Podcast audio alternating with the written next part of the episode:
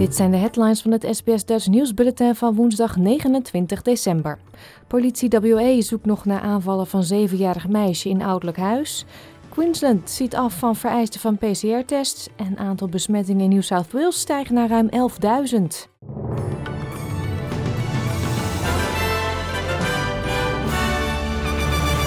politie beschrijft de aanranding van een zevenjarig meisje uit Perth op tweede kerstdag in haar ouderlijk huis als verontrustend en is nog steeds op zoek naar de aanvaller.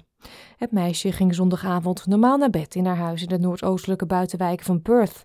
De volgende ochtend vertelde ze haar ouders dat ze s'nachts seksueel misbruikt was. De pyjamatop van het meisje is weg en ontbreekt een hoor van het raam in het huis in Ellenbrook. Medewerkers van de Forensische Opsporingsdienst zoeken samen met de bereden politie en drone operators naar de ontbrekende items.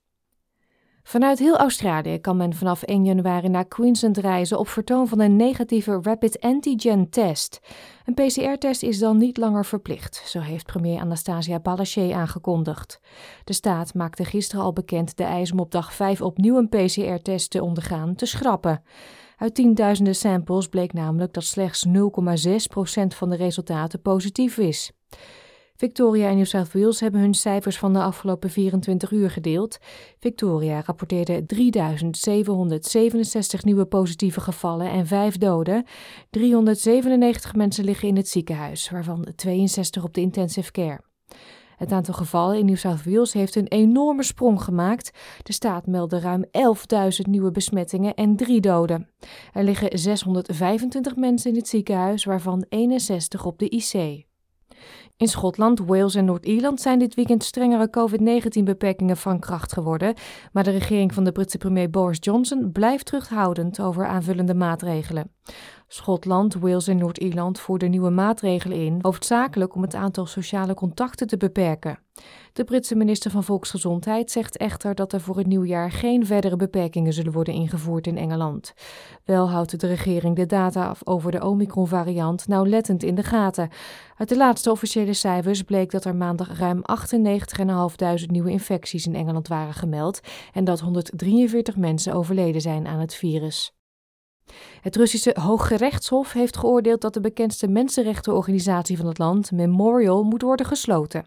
De internationale mensenrechtengroepering verwierf bekendheid vanwege zijn studies naar politieke repressie in de Sovjet-Unie. Memorial en haar aanhangers houden vol dat de beschuldigingen tegen de groep politiek gemotiveerd zijn. Grigory Javlinsky, partijleider van Jabloko, zegt dat het vonnis een gevaarlijke ontwikkeling is en wijst op een zorgwekkende richting voor de Russische politiek.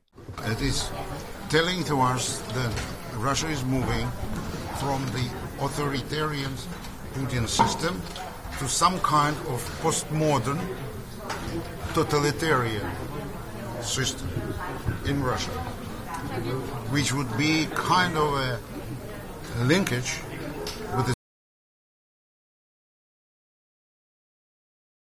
De dochter van wijle aartsbisschop Desmond Tutu van Zuid-Afrika zegt dat zijn dood nog niet helemaal is doorgedrongen.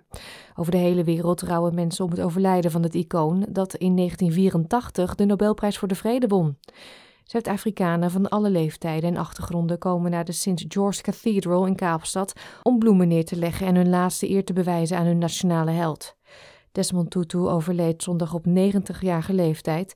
Op 1 januari staat in Kaapstad een officiële staatsbegrafenis gepland. Krijgt u nog de weersverwachting voor vandaag? Opnieuw een zeer warme dag in Perth en 38 graden.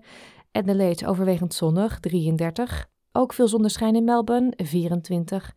In Hobart is het gedeeltelijk bewolkt, 23 graden. Canberra zonnig, 25. Wollongong gedeeltelijk bewolkt 22. Er vallen een paar buien in Sydney 25. Ook in Newcastle kans op enkele buien en 25 graden. Het is bewolkt in Brisbane 27. In Cairns regent het en daar moet men rekening houden met stortbuien 29. En in Darwin kans op een bui met onweer bij 34 graden. Dit was het SBS Dutch Nieuws.